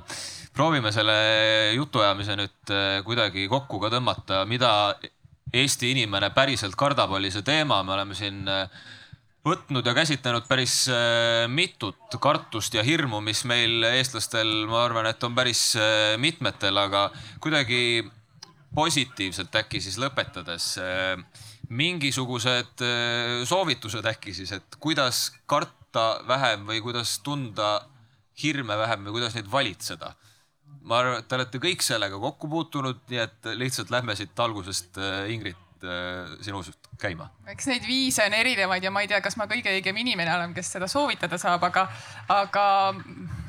võib-olla, mida ma ka korra juba mainisin, on esimene asi see, et ma korra tõmban hinge enne, kui ma midagi ütlen või teen ja vaatan peeglisse, mida mina ise saan teha paremini, et minul ja minu lähedastel oleks äh, turvaline kodus olla, tänaval olla, kus iganes olla. ja pigem ongi see, et emotsioone elada siis tervislikumal viisil välja, mitte teiste peal, vaid äh, proovida, mis ma selle emotsiooniga saan head korda saata. Lähen jooksma, lõhun puid, noh, mida iganes. Joosep. ohutult.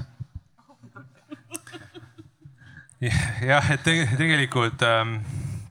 me rääkisime nii paljudest asjadest, ma jäin mõtlema, et mida siit nüüd nagu siis äh, kokku võtta, et, et äh, ma arvan, et äh, see tunne või turvatunne sõltub nii paljudest elementidest, et ja igalühel on oma roll ja, ja, ja kui siin oli juttu inimese väärtustamisest, omavahelisest suhtlusest, siis noh, need on niisugused Äh, baasasjad, ilma milleta ilmselt äh, turvaliselt tunda ennast väga raske. või kui neid äh, kuidagimoodi on rikutud või puuduvad, et ma arvan, et seal tuleks vaadata kõiki asju koos ja, ja, ja mõelda just sellele ka, et, et, et see on nagu subjektiivne tunne ja, ja, ja ma arvan, me igaüks ise ka teame, et, et mis meid nagu kõige rohkem häirib, et äh, võib-olla siis selle probleemiga tuleks ka ise võib-olla veidi rohkem tegeleda, et.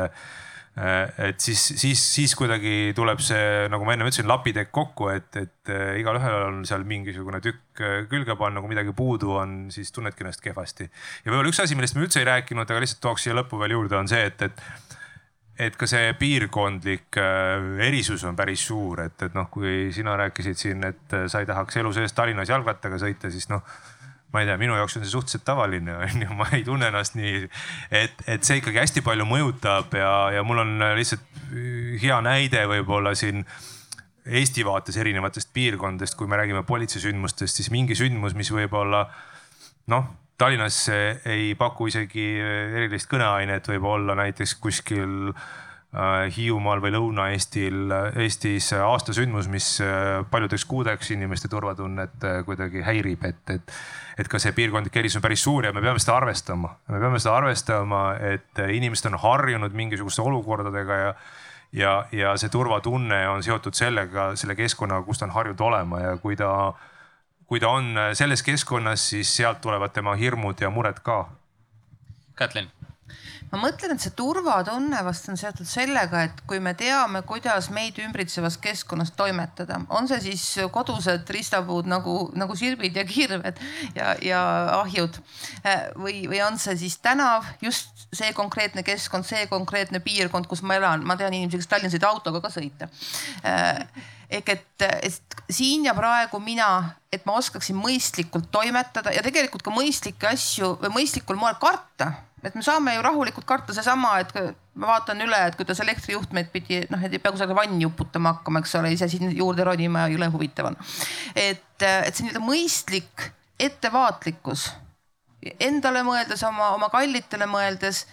ja, ja, ja see käib sinna juurde ka, et me peame neist lugu, me väärtustame neid ja seetõttu ma olen ka natuke ettevaatlik ja siis on see turvatunne ka olemas mitte see, et ma loodan, et kõik automaatselt läheb jube hästi minuga, ma olen jube osav ja tore ja kõigiga saan alati hakkama ja noh, see ei ole lihtsalt mõistlik.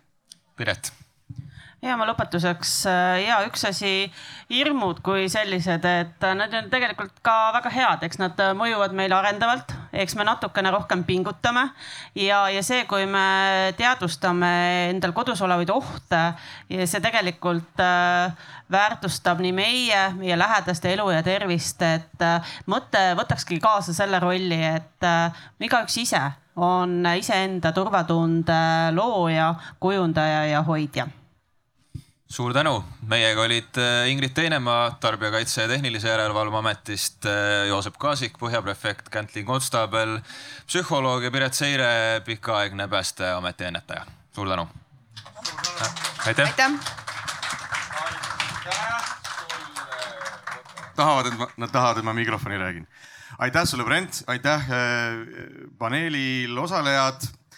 ma kuulasin teie juttu ja, ja proovisin juba algusest eh, samastuda kuidagi selle turvatunde looja või siis vähemasti mõistjana, et kus koha pealt üks inimene turvatunde saab. Ja meenus üks väga oluline eh, seik ja te jõudsite ka tegelikult oma jutuga mingisugusel määral selle päris alguseni, et lapsepõlvest pärit mõtted ja, ja arusaam, kuidas perekonnas või sinu jaoks, lapse jaoks kõige usaldusväärsemast allikast, siis oma emalt või isalt see informatsioon sinuni jõuab ja kui politseinikuna peatad näiteks sõiduki kusagil tee peal kinni ja seal on üks laps, kes politseinikku nähes südantlõhestavalt karjuma ja nutma hakkab, siis ta kardab sind. ja kui lõpuks sa kuuled ka selle põhjusel ära sealt, et isa, isa, ära palun tee akent lahti, politseinik viib mind minema. ta on üks vastik tegelane, kes kogu aeg kõiki lapsi kiusab ja nii edasi. siis mul on alati, mul on tohutu kahju nendest lastest, et nad tegelikult äh, Nad päriselt täpselt ei saa nagu aru sellest kõigest, et mida tegelikkuses politsei tähendab, mida tegelikult me proovime teha ja mina piirkonna politseinikuna tunnetan seda, mul on alati võimalus astuda sammukene kaugemale, vestelda selle isaga hoopis muudel teemadel kui liiklusrikkumine ja rääkida hoopis talle natuke seda, et noh, jälgi oma last natuke teise nurga alt võib-olla või räägi talle midagi muud. usaldusväärne allikas on see, mis loob meil kõige rohkem turvatunnet meie saame seda edastada, seda anda kõike, näidata head eeskuju, sest et me kõik ehitame oma elu kaasa arvatud Häirekeskus, kes eelmise paneeli siin lõpetas just, ütles, et nad võtavad nüüd edaspidi eeskuju ka kuskilt välismaalt, võtavad endale mingisugust teadmist kuskilt mujalt. nii et eh, ma loodan, et me kõik oskame leida endas ühe väikese eeskujuliku tegelase, keda siis teistele eeskujuks tuua. turvalist arutelu teile edaspidi kõigile, aitäh. aitäh kaitsed ega tunti kõike teha.